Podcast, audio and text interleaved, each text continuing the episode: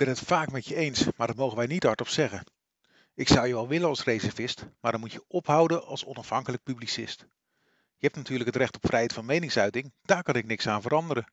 Maar als je reservist bent en je schrijft nog één kritisch artikel, dan krijg je gewoon geen opdrachten meer als reservist. Wat je schrijft is waar, ze zijn er alleen niet blij mee aan de top. Maar ja, je hebt wel eens contact met Kamerleden, je hebt een website, je bent actief op social media, dus je bent veel te zichtbaar voor ons. Want er is ook nieuwe regelgeving vanuit de SG. Jij schrijft op wat wij niet mogen zeggen, want dan kost je je carrière. Het zijn zomaar wat zinnen die de afgelopen tijd door verschillende militairen tegen mij zijn gezegd en die aangeven hoe er bij Defensie met kritiek wordt omgegaan. Uiteraard ging dit mondeling, want schriftelijk zou er een schrikbarende werkelijkheid aan het licht komen. Sommige van die zinnen zijn uitgesproken rondom mijn niet voltooide aanstelling als reserveofficier en andere uitspraken waren reacties op artikelen op deze website. De hamvraag is, wat is kritiek en welk operationeel belang wordt er eigenlijk geschaad?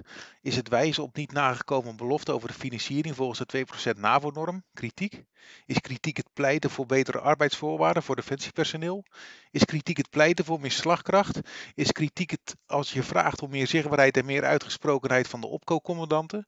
Is het jezelf hard maken voor een coherente krijgsmacht die wel voldoet aan de grondwettelijke taken kritiek hebben? Is kritiek het opkomen voor de belangen van het personeel? Is het kritiek als er wordt geconstateerd dat de visie wel mooi is, maar dat het plan en de planning om die visie waar te maken ontbreken?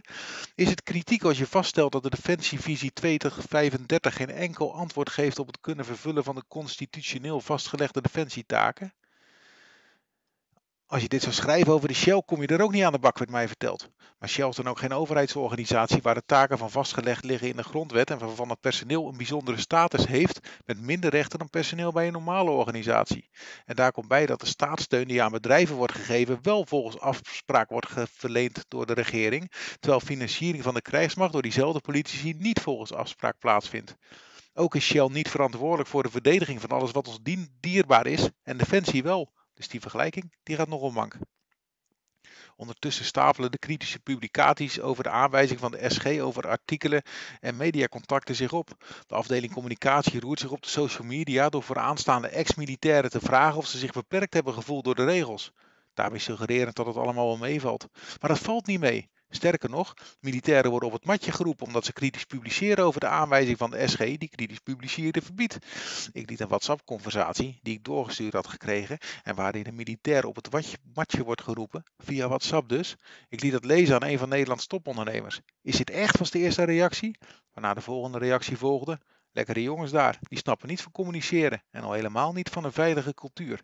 En die veilige cultuur, het creëren daarvan, dat was een van de speerpunten van het bewindslieden. Tenminste, bij een aantreden werd dat benoemd als belangrijk voornemen.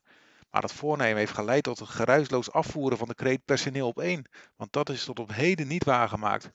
Dat voornemen leidde wel tot meer niet coherente investeringen, maar die er bij lange na niet genoeg om de beloofde 2% te halen. Dat voornemen leidde ook niet tot modernisering van de arbeidsvoorwaarden en een bezoldigingshuis. Dat voornemen leidde daarentegen wel tot scherpere regelgeving aangaande zichtbaarheid in de media. Regelgeving die gehandhaafd wordt, vooral door de ambtelijke top. De vraag is of Defensie daardoor echt fysiek en sociaal veiliger is geworden. Gebroken beloften dragen er zeker niet aan bij en brengen de lagere commandanten in een lastig pakket, want zij moeten uitleggen waarom het toch niet beter wordt, waarom er ondanks investeringen toch een extra marineschip uit de vaart genomen wordt, of dat er minder geoefend kan worden. De bijzondere positie van de militair kent beperkingen, maar dat mag nimmer leiden tot een situatie waarin de krijgsmacht niet kan leveren en niemand dat mag zeggen. Want de militaire professie is uniek en gaat in ultimo over leven en dood. Dan moet je de mensen waarvan je die offers vraagt wel serieus nemen. Zeker omdat, ondanks alles, een militair nooit een legitieme opdracht mag en zal weigeren. Daarom zouden de commandanten zich moeten roeren of zich laten horen, in plaats van als een verlengstuk van de ambtelijke defensietop te fungeren en daarmee de angstcultuur binnen defensie bestendigen. De angstcultuur die gehoed lijkt te worden door de SG, zonder enige militaire ervaring. Want, zo werd letterlijk tegen me gezegd door een gebreveteerd officier, iedereen in de top is bang van haar. Zolang beloften niet worden nagekomen en zolang militairen niet mogen zeggen dat de krijgsmacht niet kan leveren en op het matje geroepen worden als dat wel gebeurt, Zolang de financiering van Defensie niet op orde is, zolang de krijgsmacht niet kan voldoen aan de grondwettelijke taken, zouden politici, de politieke en de ambtelijke top en de militair commandanten er alles aan moeten doen om dat te herstellen. Want zolang dat niet gebeurt, zullen anderen die kastanjes uit het vuur blijven halen. Mensen die dat niet zouden hoeven doen, als degene die het zouden moeten doen het deden. Er zijn genoeg regels namelijk die verbieden om geheime operationele informatie te openbaren. En er is namelijk verschil tussen geheime informatie en informatie over een organisatie in algemene zin. Het handhaven van een ouderwetse aanwijzing van de SG getuigt van destructieve leiderschap, dat alleen kan bloeien in een verwaarloosde organisatie die maar niet leert en doorgaat op de heilloze weg van intimidatie. Het ontluisterende beeld komt naar boven van onbehoorlijk bestuur en niet toegestaan machtmisbruik, als er al van die macht sprake zal zijn. De vraag is dus wanneer de Defensietop wakker wordt en plannen gaat maken om de prachtig gepresenteerde visie waar te maken.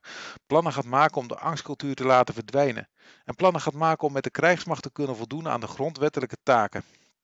Dat lijkt me heel wat belangrijker dan het monddood maken van de militairen en reservisten en arrogant en onmetter uit te spreken naar de buitenwereld. De Fransen hebben daar een prachtige term voor: détournement de pouvoir.